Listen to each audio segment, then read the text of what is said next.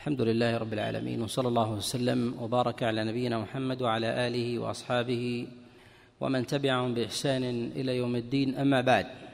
فأول حديث هذا اليوم هو حديث جابر عليه رضوان الله تعالى أن رسول الله صلى الله عليه وسلم رأى رجلا على قدمه مثل اللمعة أو مثل لمعة الظفر لم يصبها الماء فأمره رسول الله صلى الله عليه وسلم أن يعيد الوضوء.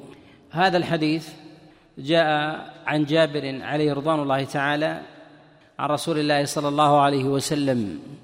وهذا الحديث بهذا اللفظ حديث ضعيف ولا يصح. وذلك أنه قد رواه الإمام أحمد في كتابه المسند ورواه أبو داود أيضا في سننه من حديث عبد الله ابن وهب وزيد بن الحباب كلاهما عن عبد الله بن لهيعة عن أبي الزبير عن جابر بن عبد الله عن رسول الله صلى الله عليه وسلم. وهذا الحديث تفرد به من هذا الوجه عبد الله بن لهيعة واختلف عليه فيه. فرواه عنه الحسن بن موسى وموسى بن داود كلاهما عن عبد الله بن لهيعة عن أبي الزبير عن جابر بن عبد الله وقال فأمره رسول الله صلى الله عليه وسلم أن يحسن الوضوء. وهذا اللفظ أصح.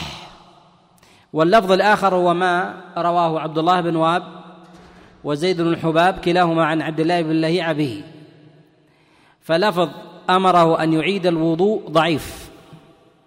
وأما اللفظ أمره رسول الله صلى الله عليه وسلم أن يحسن أن يحسن الوضوء فصحيح. وذلك أن أصل الخبر في صحيح الإمام مسلم من حديث من حديث أبي الزبير عن جابر بن عبد الله ويرويه عن أبي الزبير معقل بن عبيد الله. عن أبي الزبير عن جابر بن عبد الله قال فأمره رسول الله صلى الله عليه وسلم أن يحسن الوضوء. وهذا في صحيح الإمام مسلم ولكنه من غير طريق عبد الله بن لهيعة. وأما اللفظ الذي نتكلم عليه فهو ما يتعلق فهو ما يتعلق بالأمر بالإعادة. وما الفرق بين الإعادة وبين الإحسان؟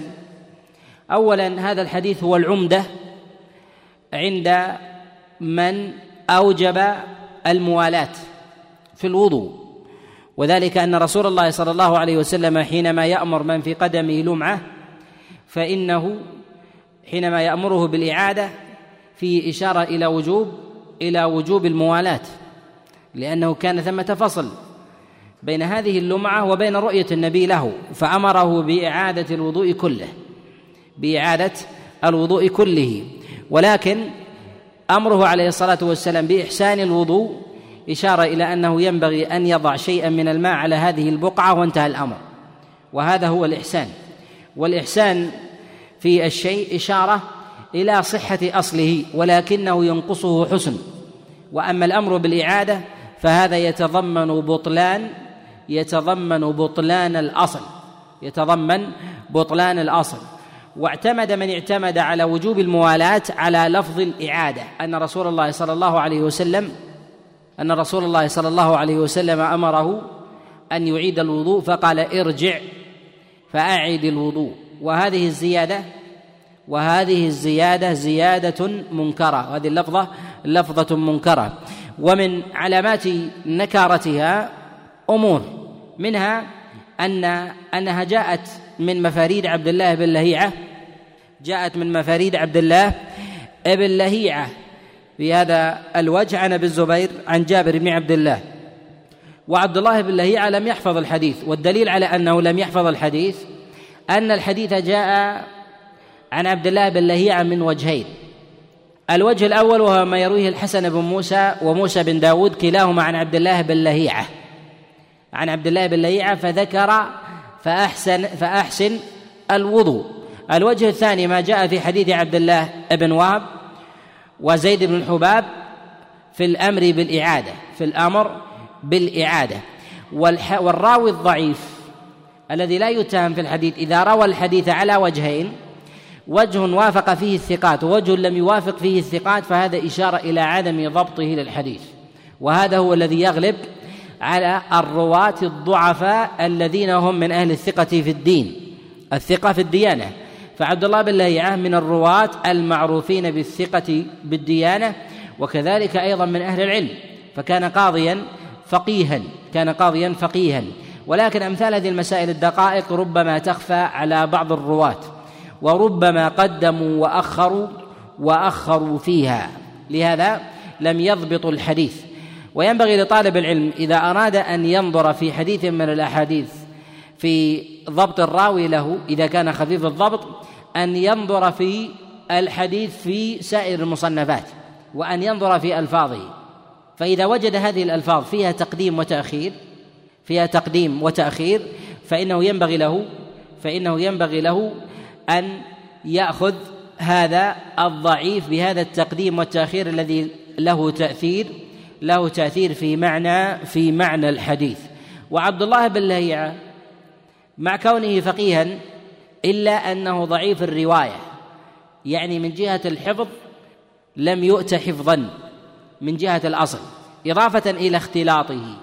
وأما الأحاديث التي يرويها في اختصاصه في مسائل القضاء فإنه أضبط لها. فإنه فإنه أضبط لها. وكثير ممن يتكلم على عبد الله بن ليعة ويتكلم على مروياته يتكلمون على أمرين. الأمر الأول على ضعفه في ذاته. هل هو ضعيف من جهة الأصل؟ أم الضعف طرأ عليه؟ الأمر الثاني ما يتعلق برواية القدماء من أصحابه كالعبادلة ولا يتطرقون إلى اختصاصه. هو رجل قاضي ومكث في القضاء زمنا. وهذه المهنة لها أحاديث تروى فيها ما يتعلق في مسائل في مسائل الحدود وما يتعلق بمسائل التعزيرات وغير ذلك.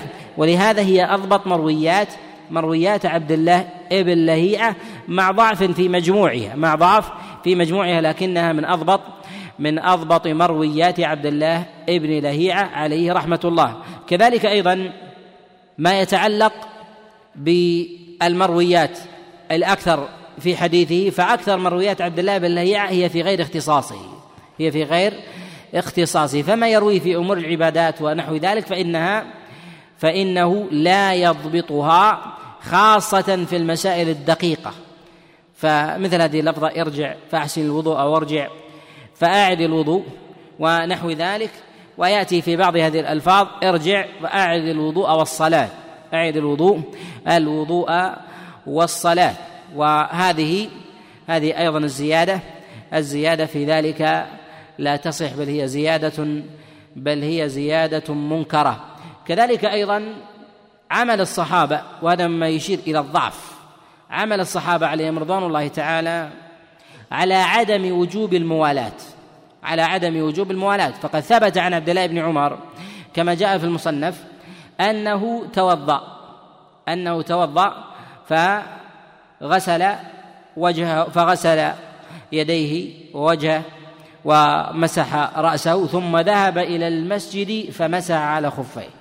يعني أن وضوءه أول وضوء في البيت وأكمله وأكمله في المسجد وأكمل في المسجد.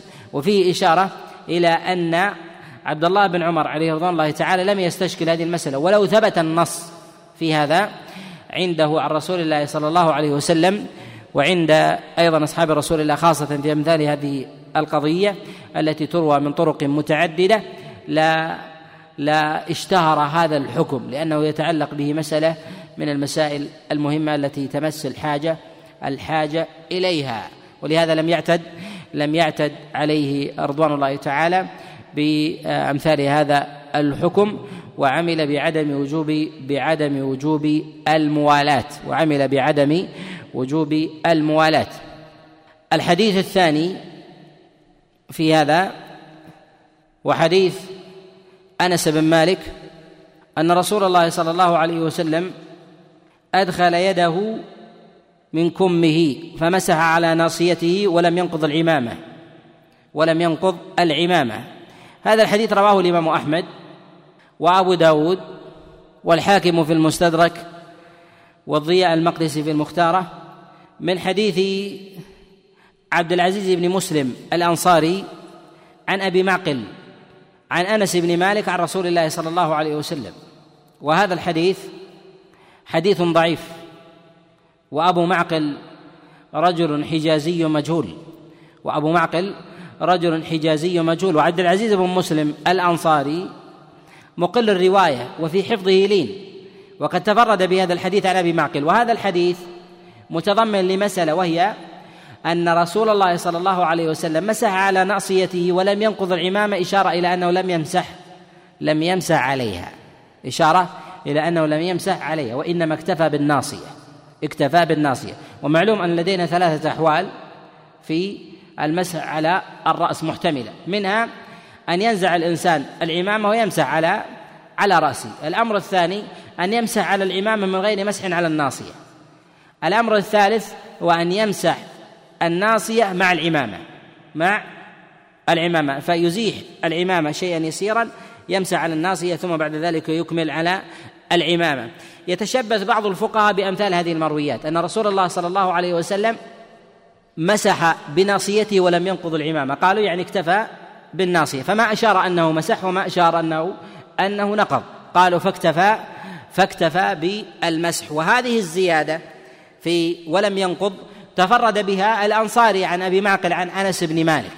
تفرد بها عبد العزيز بن مسلم الأنصاري عن أبي معقل عن أنس بن مالك. وهنا وهنا مسألة من مسائل العلل وقد تقدم الإشارة إليها وهي أن هذا الحديث تفرد به أبو معقل عن أنس بن مالك وأبو معقل مجهول ولكنه رجل حجازي ولكنه ولكنه رجلا حجازيا فهذا الحديث في روايته عن أنس بن مالك هل يحتمل قبوله أم لا؟ هل يحتمل قبوله أم لا؟ مع كون هذا المجهول يروي عن صحابي وهو حجازي أيضا نقول لا يقبل بل هو مردود وذلك من وجوه. أولها وهذا يتضمن قوة القرائن الدافعة لهذه الرواية. قوة القرائن الدافعة لهذه الرواية. من هذه القرائن التفرد بالمعنى التفرد بالمعنى. والصحابة عليهم رضوان الله تعالى الأصل في أحوالهم في لبسهم أنهم يلبسون العمائم. وهذا من الأمور والمسائل المهمة التي يحتاج أن يرويها من هو أوثق وأقوى من أبي معقل. من من أبي معقل. ولهذا ولما لم ترد من هذه هذا النحو دل على دل على ضعفها. ولو تفرد بهذا اللفظ ولم يرد ما يخالفه لاستحق النكارة فضلا أنه جاء عن رسول الله صلى الله عليه وسلم أنه مسح على ناصيته والعمامة كما جاء في حديث المغيرة. جاء في حديث المغيرة. وهذا يدل على نكارة. الأمر الثاني في هذا أن أبا معقل وإن كان رجلا مجهولا حجازيا إلا أنه روى عنه عبد العزيز بن مسلم الأنصاري. وعبد العزيز بن مسلم الأنصاري هو مقل الرواية أيضا. المجهول إذا روى عنه مقل مجهول مستور مثله هذا من علامات الضعف. هذا من علامات الضعف. وقد تقدم معنا أن الراوي الضعيف مستور الحال إذا كان من طبقة متقدمة وروى عن أحد من أصحاب رسول الله صلى الله عليه وسلم وتفرد بحديث بوجه من الوجوه أننا نقبل هذه الرواية إذا كان المتن مستقيم ومن يروي عنه ثقة ومن أهل بيت معروف بالعلم ومن أهل بيت معروف بالعلم فأبو معقل مجهول والذي يروي عنه زاد أمره جهالة وعبد العزيز بن مسلم الأنصاري وذلك أن مثل هذا الحديث لو جاء عن أنس بن مالك لنقله عنه أصحابه. وهذا من القرائن القرينة الثالثة أن أنس بن مالك من المعمرين. أنس بن مالك من المعمرين. فهو يروي عن رسول الله فالحديث في جعبته عقود طويلة. فلماذا لم يروي عنه إلا أبو معقل؟ ولو توفي قديما ولو توفي قديما لأمكن لأنه لم يعمر ولم يره ولم يره الناس. لاحتمل هذا لاحتمل مثل هذا اللفظ أن أن يقبل. أن يقبل ما لم ما لم يخالف. لهذا نقول إن هذا الحديث هو حديث هو حديث منكر بهذا اللفظ بهذا اللفظ. جاء معناه عند عبد الرزاق في كتابه المصنف من حديث ابن جريج عن عطاء مرسلا عن رسول الله صلى الله عليه وسلم وجاء أيضا عند الشافعي في كتاب الأم من حديث ابن جريج عن عطاء مرسلا عن رسول الله صلى الله عليه وسلم. ولكن هذه مراسيل لا تعضد أو هذا المرسل لا يعضد هذا الحديث. ولكن في مثل هذا الحديث أولا يظهر الوهم أو الاختصار للفظه وصحة أصله وصحة أصله. وذلك أن النبي عليه الصلاة والسلام يمسح على ناصيته أما ذكر عدم نقض العمامة عدم نقض العمامة مع الحاجة إلى ما هو أولى من ذلك اليد بعد مسح الناصية أين ذهبت؟ أين ذهبت؟ هل استمرت؟ أم أنه لم ينقض ثم ثم رجع ظاهر النص أنه لم ينقضها ولهذا الحاكم في كتابه المستدرك يقول وهذه اللفظة غريبة اللفظة غريبة وهي أن رسول الله صلى الله عليه وسلم لم ينقض لم ينقض العمامة لم ينقض العمامة. وهذا أيضا يستدل به أيضا من قال بأن رسول الله صلى الله عليه وسلم كان يمسح بعض رأسه لا يمسحه كله. قال وهذا هو القدر المجزئ أن رسول الله صلى الله عليه وسلم مسح بالناصية واكتفى بهذا بهذا. ولكن نقول إن هذا الحديث حديث ضعيف. لكن جاء عن عبد الله بن عمر عليه رضوان الله تعالى أنه مسح يافوخه قط. مسح يافوخه قط وهي وهي أعلى الرأس وهي أعلى الرأس واكتفى واكتفى به. يعني أنه لم يمر اليد على كامل الرأس من من الخلف وكذلك أيضا من جانبه. فهذا يقال هو القدر المجزئ. لو أن إنسانا أتى بيد واحدة ثم مر هكذا يقال يقال إن ذلك يجزئه. إن هذا إن هذا يجزئ يجزئ الإنسان في حال في حال وضوئه. أما في مسألة المسح مع العمامة فإنه يقال أن الإنسان يمسح الناصية ويمسح ويمسح العمامة يمسح الناصية ويمسح العمامة.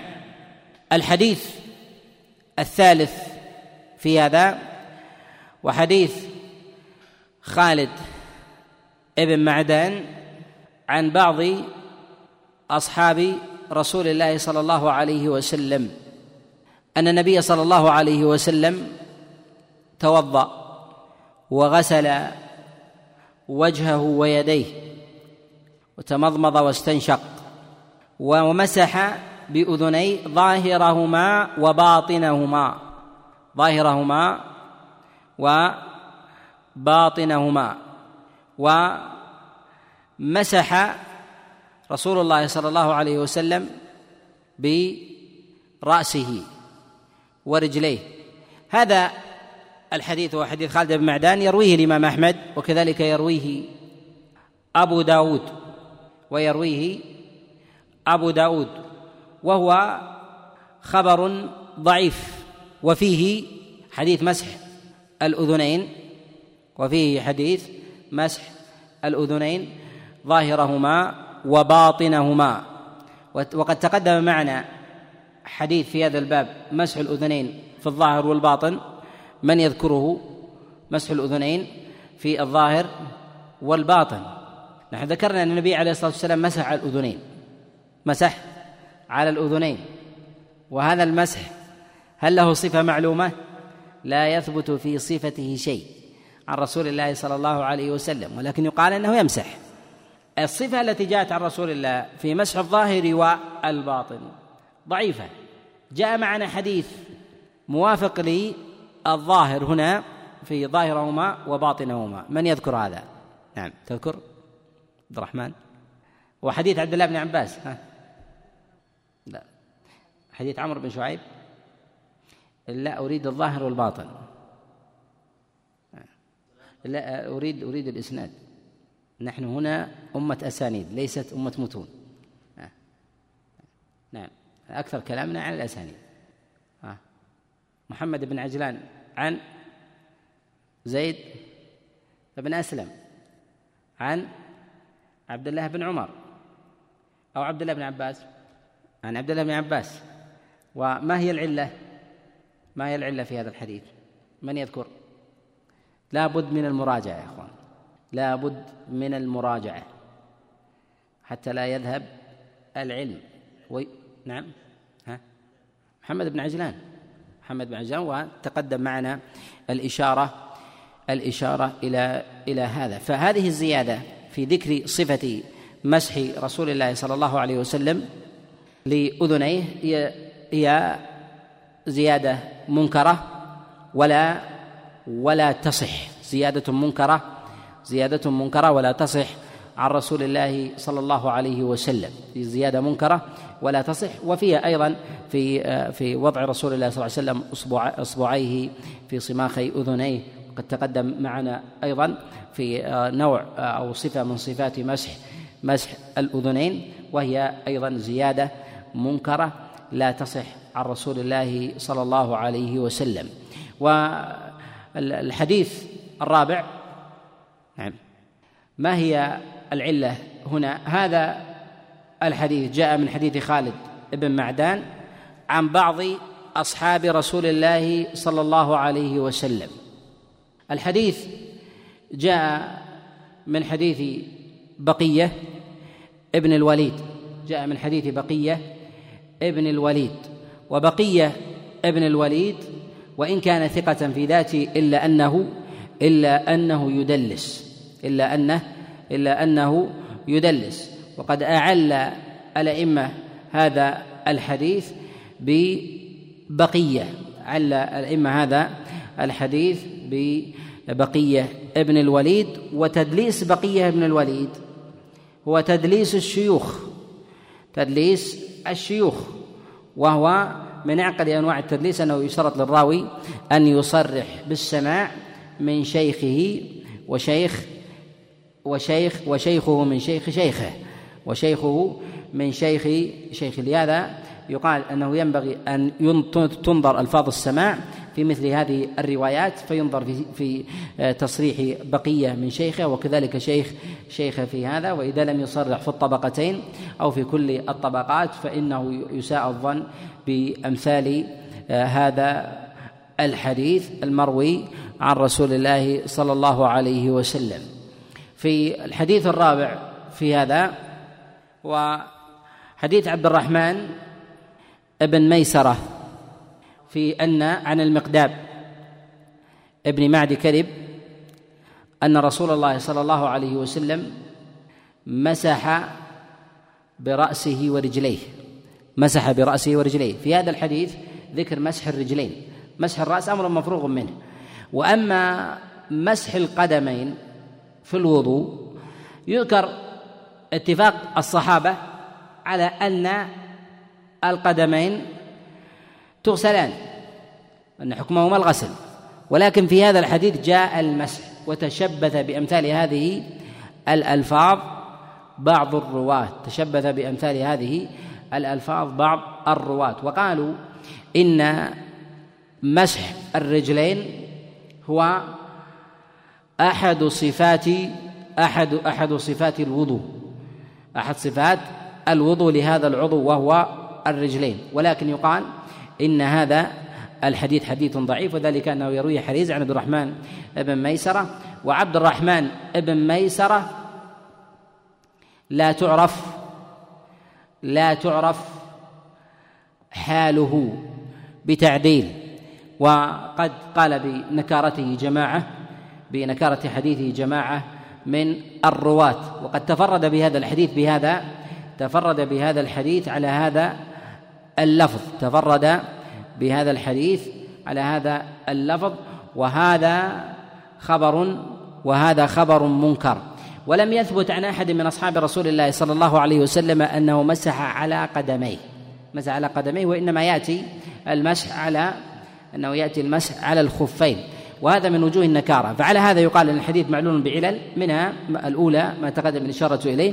الثاني وأن هذا الفعل ليس عليه العمل أنه ليس عليه العمل. الأمر الثالث أنه لو كان من حكم القدم المسح لما احتيج إلى تشريع المسح على الخفين. لما احتيج إلى تشريع المسح على الخفين. وذلك أن تشريع المسح على الخفين هو نقل من غسل إلى مسح. نقل من غسل إلى مسح. ولو كان الخف ولو كان الخف حكمه حكما مساويا للقدم لما احتيج إلى ذكر هذا على ذكر هذا الأصل أو هذا الحكم عن رسول الله صلى الله عليه وسلم بمثل هذه الكثرة عن رسول الله صلى الله عليه وسلم. ولهذا تجد الأحاديث في المسح على العمامة من جهة الحكم هي تشترك في حكم الرأس فالرأس يمسح ثم العمامة كذلك أيضا كذلك تمسح. وأما بالنسبة للقدم القدم تغسل ولكن الخف يمسح. فهذه نوع مغايرة تحتاج إلى دليل. فإذا قلنا أن القدم يمسح والخف في ذلك يمسح فإن المسألة تعتبر تعتبر دون. وأما مسح المسح على الخف هو نقل عن أصل. والأصل في ذلك الغسل فيحتاج إلى إلى دليل أقوى في ذلك. لهذا الأدلة التي جاءت في في إثبات المسح على العمامة والعمامة أدوم على الرأس من الخف على القدم أدوم على الرأس من الخف على القدم. ومع ذلك جاءت الأحاديث فيها عن رسول الله صلى الله عليه وسلم يسيرة في المسح على العمامة وجاءت الأحاديث في المسح على الخفين كثيرة عن رسول الله صلى الله عليه وسلم وذلك أنها انتقال عن انتقال عن الأصل. انتقال عن الأصل وفي هذا إشارة إلى إلى ما تقدم أن الصحابة عليهم رضوان الله تعالى إذا خالفوا عملا حديثا من الأحاديث ينبغي ينبغي أن يرد. ينبغي أن يرد ولو صح إسناده. كيف وقد كان؟ كيف وقد كان معلولا؟ كان الحديث معلول. وذلك أن هذا الحديث في المسح على في المسح على الرجلين ويتشبث به من يتشبث في أن حكم القدم المسح وهي أحد الصور أنها تمسح. قالوا كما أن الإنسان إذا اغتسل فإنه يغسل رأسه والغسل يجزي عن المسح. كذلك فإن المسح يجزي عن الغسل وكذلك أيضا في النسبة للقدم فإن القدم إذا مسح الإنسان فإنه أدى أدى ما عليه فرضا. يخرج من هذا في مسائل ما يتكلم عليه بعض العلماء. في مسألة آه، إذا كان على الإنسان آه، حذاء أو أو مثلا حذاء شبيه بالخف أو خف شبيه بالحذاء قام منهم من آه، سوغ وجوز المسح في ذلك خاصة في أحذية الصندل التي تكون ممسكة بالقدم من جهات متعددة وتكون في نوع من الثقوب على القدم. يرخص في هذا بعضهم وهو قول مرجوح وهو قول مرجوح ذلك أن الخف ينبغي أن يكون مستوعبا ينبغي أن يكون أن يكون مستوعبا للبدن. وتقدم معنا مرارا أن الأحاديث التي تأتي عن رسول الله صلى الله عليه وسلم من أظهر وجوه الإعلال لها والتقوية هو أن ينظر في فقه في فقه أصحاب رسول الله صلى الله عليه وسلم لها من جهة من جهة العمل. من جهة العمل. فإذا كان الصحابة عليهم رضوان الله تعالى عملوا بأمثال هذا الحديث حكما فإن هذا يقويه ولو كان ولو كان ضعيفا يقويه من جهة العمل ولو كان ضعيفا.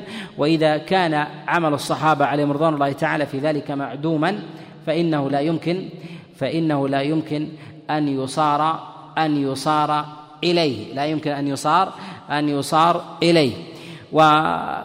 والحديث الخامس في هذا وهو تابع ل لحديث جابر السابق وما رواه الدار قطني من حديث الوازع بن نافع.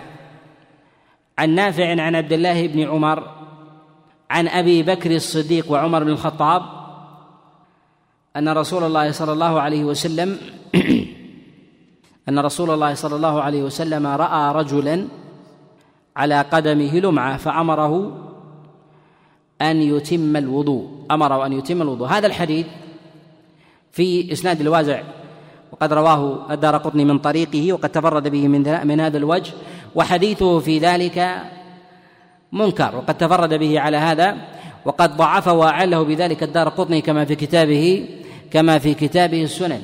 وقال الوازع ضعيف الحديث ضعيف الحديث. وقد قال بنكرة حديث جماعة كالبخاري فقال منكر الحديث وقال بأنه متروك جماعة كابن أبي حاتم ولينه الأئمة ولا أعلم أحدا عدله ولا أعلم أحدا عدله. ويكفي في هذا ويكفي في هذا ما جاء عن رسول الله صلى الله عليه وسلم ما جاء عن رسول الله صلى الله عليه وسلم في الصحيح من حديث معقل بن عبيد الله عن أبي الزبير عن جابر بن عبد الله أن رسول الله صلى الله عليه وسلم قال له ارجع فأحسن الوضوء. والإحسان شيء والإعادة والإعادة شيء شيء آخر. الحديث السادس ما رواه الإمام أحمد وأبو داود وغيرهم من حديث علي بن يحيى عن أبيه عن عمه عن رفاعة. أن رسول الله صلى الله عليه وسلم قال في حديث المسيء صلاته إذا قام أحدكم إلى الصلاة فليغسل يديه إلى مرفقيه وليتمضمض ويستنشق ويمسح رأسه. ورجليه. هذا الحديث وحديث رفاعة في قصة المسيء صلاته. رواه عن علي بن يحيى إسحاق بن عبد الله بن أبي طلحة. وذكر الوضوء في حديث المسيء صلاته بالتفصيل منكر. وحديث المسيء صلاته جاء في الصحيحين من حديث أبي هريرة عليه رضوان الله. فذكر فيه الأمر بإحسان الوضوء. قال فليحسن وضوءه ثم ليستقبل القبلة ثم ذكر تمام الحديث. يأتي في بعضها ذكر الوضوء وفي بعضها يغفر الوضوء ثم يذكر الباقي. ثم يذكر الباقي. وهذا وهذا دليل على أن ذكر الوضوء بالتفصيل في حديث المسيء صلاته منكر. وما جاء فيه من تقديم وتأخير. يستدل به من قال بعدم وجوب الترتيب في الوضوء ويستدل به أيضا ما يأتي في بعض ألفاظه بمسح الرجلين فهو أيضا خبر منكر. وذلك أننا لو نظرنا في الأحاديث في من يرويه عن علي بن يحيى وجدنا أنه يرويه عنه جماعة وخلق. ولكن لم يأتي ذكر الوضوء فيه بالتفصيل إلا من طريق همام. عن إسحاق بن عبد الله بن أبي طلحة عن علي بن يحيى عن أبيه عن عمه عن رفاعه عن رسول الله صلى الله عليه وسلم. وأكثر الرواة لا يذكرونه.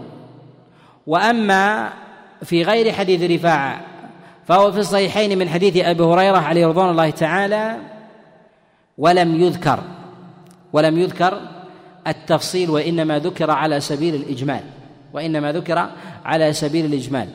وإنما قلنا بالنكارة قلنا بالنكارة لأن الحديث ذكر الوضوء فيه يحتاج إليه.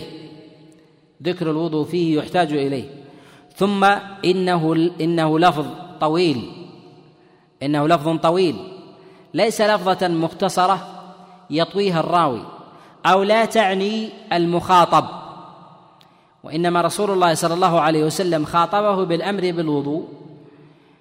فتنكبه الراوي إما أن يكون اللفظ على سبيل الإجمال وهذا الذي يظهر في بعض المرويات أن النبي عليه الصلاة والسلام قال فأحسن الوضوء هذه اللفظة قد يتركها بعض الرواة.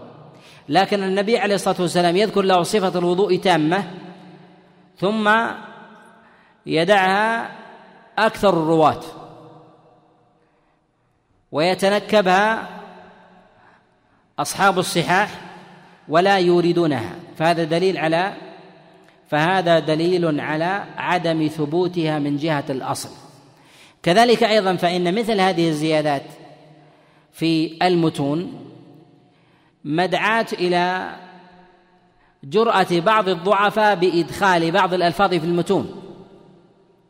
الرواة يجسرون على إدخال بعض الألفاظ المسلمة في المتن توسيعا وتكثيرا محفوظهم تكثيرا لمحفوظهم. الراوي الضعيف صاحب الديانة والثقة في ذاته أو قليل الحديث. إذا روى حديثا يطيل الحديث أو أو ربما ذكر فيه ذكر فيه ما يقطع بوجوده ولو لم يذكر من تفاصيل. وذلك الإنسان مثلا كأن يرتحل من مكة إلى إلى المدينة فيذكر فيذكره الرواة له على سبيل الإجمال. يزيد هو في هذا أن النبي ركب راحلته في راحلته كذا ثم يذكر اسمها ونحو ذلك وهذا نوع من الزيادات اللي يجسر عليه الضعفاء يجسر عليه الضعفاء وذلك أنهم لا يجرؤون على اختلاق متون منفردة وذلك للديانة والعدالة فيهم. أما بالنسبة للضبط فإنه معدوم معدوم لديهم أو ضعيف. فيوردون بعضا من الألفاظ في ثنايا المتون يظنونها يظنونها في المتن أو يأخذونها من مواضع أخرى فيدرجونها في المتن كما هنا في ذكر الوضوء. وهذا اللفظ يتشبث به كثير من الفقهاء من أهل الرأي وغيرهم الذين يبطلون الترتيب في أعضاء الوضوء. ونجد مثلا في في هذا الحديث في صفة نجد مثلا انه يذكر المضمضة بعد غسل الذراعين بعد غسل الذراعين الإنسان يغسل الكفين ثم يتمضمض ويستنشق ثم يغسل كفيه ثم يمسح رأسه ثم ثم يغسل قدميه. تجد المضمضة تارة تكون بعد الذراعين وتارة تكون قبل الذراعين. قال وهذا دليل على عدم وجوب الترتيب. عدم وجوب الترتيب بين أعضاء الوضوء. الترتيب على نوعين عند الفقهاء. ترتيب العضو الواحد كاليمنى عن اليسرى من العضو الواحد في القدم في اليدين. فإن هذا يقال يقال بالترخيص فيه وهذا ليس محل بسطة. أما بالنسبة للأعضاء فيقال يجب الترتيب فيما بينها يجب الترتيب فيما بينها كما ذكره الله عز وجل في ظاهر في ظاهر كتابه وما جاء رسول الله صلى الله عليه وسلم في ذلك شرحا. أما التشبث في بعض المرويات في مثل هذا التي يذكرها بعض الرواة فإنهم يذكرونها للعلم بها ولهذا يخطئون فيها لأنها ليست منقولة وإنما وإنما مفهومة وإنما وإنما هي مفهومة. ولهذا ينبغي لطالب العلم إذا أراد أن ينظر خاصة في قصة جاءت عن رسول الله صلى الله عليه وسلم أن يجمع الطرق الواردة فيها حتى يعرف مواضع مواضع وهم وغلط وزيادة وزيادة الراوي. ومن القرائن في هذا أيضا أن حديث المسيء صلاته حديث فيه قصة والقصة تضبط. القصة تضبط أكثر من القول الإنشائي. النبي صلى الله عليه وسلم حينما يصعد على منبر ويخطب في الناس هذا ضبطه ثقيل على غير الحافظ على غير الحافظ. أما القصة ولو طالت تضبط. القصة ولو طالت تضبط. فالإنسان حينما يشاهد قصة بين اثنين أو حدث ونحو ذلك في المسجد أمامه فعلوا وقاموا وتركوا ونحو ذلك فإنه يستطيع أن يحكيها بالتفصيل ولو كان ضعيف الحفظ. ولكن أن يكون نصف هذه القصة زمنا يقوم الشخص يتحدث من نفسه بحديث لمدة خمس دقائق والقصة حدثت لعشر أو عشرين دقيقة فإنه لا يستطيع أن يأتي أن يأتي بالألفاظ يزيد فيها وينقص. وأمثال هذه القصص ينبغي أن تضبط وأقرب الناس لها ضبطا من الثقات. أضبط الناس لها الثقات. ومن دونهم يضبطون ولكن إذا جاءوا بأشياء لم يأتي بها من هو أوثق منهم دليل على أنهم ترخصوا في هذا. ترخصوا في هذا ويدل على هذا أن هذه الزيادة جاءت في القصة لفظا وما جاءت وما جاءت حكاية فعل. لأنها لو كانت حكاية فعل لكانت لكان كذب واختلاق. لأن لو كانت حكاية فعل لكان كذبا واختلاقا. أي أن رسول الله صلى الله عليه وسلم أتاه بإناء ماء وأعطاه حتى يتوضأ وعلمه أو أفرغ عليه الإناء. هذا يكون كذب. يكون من الكذب. ولا يمكن أن يكون هذا من راوي فيه نوع تعديل. أما بالنسبة لمسألة مسألتنا هنا فذلك أنه ذكر عن رسول الله صلى الله عليه وسلم أنه علمه الوضوء فلعله أخذها من موضع آخر فجعلها في مثل في مثل هذا خاصة أنه جاء في بعض المرويات أن رسول الله صلى الله عليه وسلم قال إذا قمت إلى الصلاة فأحسن وضوءك. فأحسن وضوءك فذكر الوضوء على سبيل الإجمال ثم ساقه على سبيل ثم ساقه على سبيل الشرح. وهذا قد يقال بأنه من الألفاظ من الألفاظ المدرجة. هذا من الألفاظ المدرجة تكون في حديث في الحديث الذي يروى عن رسول الله صلى الله عليه وسلم. لهذا نقول إن ذكر تفصيل الوضوء في حديث المسيء صلاة منكر وأما ذكره على سبيل الإجمال فهو ثابت وقد جاء في حديث أبي هريرة وجاء من حديث رفاعة بن رافع وجاء أيضا من حديث غيرهم. وأما بالنسبة للتفصيل فهو خبر آه، منكر. ويكفي في هذا أن أكثر الرواة من حديث علي بن يحيى في روايته عن أبيه وعمه عن رفاعة أنه لم يأتي ذكر هذا التفصيل في أكثر أوجه آه، الطرق. ومن نظر أيضا من وجوه الضعف. أيضا من نظر إلى هذه الزيادة تجد أنها ترتيب المتن في المسند يختلف عن السنن عن سنن أبي داود من جهة ترتيب الأعضاء والمواضع فيها ما يدل على أن الراوي أصلا من جهة الأصل لم يضبط هذه اللفظة فترخص فيها تقديما آه، وتأخيرا. في سؤال يا أخوان؟ نعم. يقول بالنسبة للموالاة إذا كانت ليست بواجبة ما هو المقدار في الفصل؟ يكون العرف. إذا كان الإنسان منشغلا بطلب الماء بطلب الماء. يعني الإنسان إذا توضأ مثلا في في البيت وصل إلى القدمين وانتهى الماء. يكمل في المسجد. يذهب إلى موضع الماء في المسجد ويكمل. أما أنه يتمضمض في جدة ويستنشق في مكة هذا لا يمكن. لا لأن هذا يتباين. الماء يبقى على العضو في الشتاء أكثر من الصيف. ثم أيضا لو ربطناها في في جفاف العضو قد الإنسان يتنشف. هل يزول حكمه بالتنشف؟ أم لا؟ صعب. يقول مسح الأذنين ما هو أقل المقدار؟ مسح الأذنين ذكرنا أن مسح الأذنين ليس بواجب أصلا. وأرى أن هذه مسألة إجماع. أن هذه مسألة إجماع. وأما بالنسبة المقدار في هذا الأذن تمسح ولا تغسل. وكيف المسح في هذا؟ نقول يمسح بإصبعه من الداخل وبإبهامه من الخارج. هذه يعني أظهر آه، الصور لأنه عضو واحد فيحتاج إلى المسح ظاهرا وباطنا. نعم. يقول حديث ابن عمر الذي مسح على يافوخه. ألا يعارض الحديث المرفوع؟ أن النبي عليه الصلاة والسلام مسح بمقدم رأسه حتى ذهب إلى قفاه ثم ردهما إلى المكان الذي بدأ. يقال أن فعل عبد الله بن عمر على سبيل الترخص على سبيل الترخص. ولو كان عادة لعبد الله بن عمر لقيل بالتعارض ودليل أنه فعل عارض على الترخص أنه نقل أنه جاء بمثل هذا الوجه على هذا النحو أنه اكتفى بيافوخه قط أنه مسح على يافوخ قط وقوله هنا قط إشارة إلى أنه عادة أن يمسح إلى ما هو أكثر أكثر من ذلك وكان يزيد أما هذه المرة فاكتفى بهذا وهذا إشارة إلى الترخص. والإنسان قد يكون مثلا في موقف من المواقف يترخص. كان يكون مثلا معتادا أن يتوضأ وضوءا تاما يسبغ لكنه في عجلة أخذ يدلك يبلل الأعضاء تبليلا ويكون هذا على عجل فيراه شخص فيحكي عنه هذا الفعل. نعم. نعم. هو ذكر البخاري وأعلها. إعلان نعم. نعم. أعلها البخاري. إراده لا وقد ذكر هذا الحافظ بن حجر في الفتح لأنه جاء في زيادة قال ثم ارفع حتى تعتدل حتى حتى تطمئن جالسا ثم ارفع حتى تعتدل قائما. هذه قالوا إنها جلسة الاستراحة لكن البخاري أعلها. نعم. لا هو أصح حديث عنده في حديثه هو أصح أصح الحديث ويغلب عليه الصحة من جهة الصناعة. يغلب على حديثه من جهة اختصاصه الصحة. نعم. الإجماع في عدم الوجوب؟ نعم.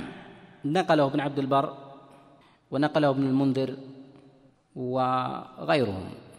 صلى الله وسلم وبارك على نبينا محمد.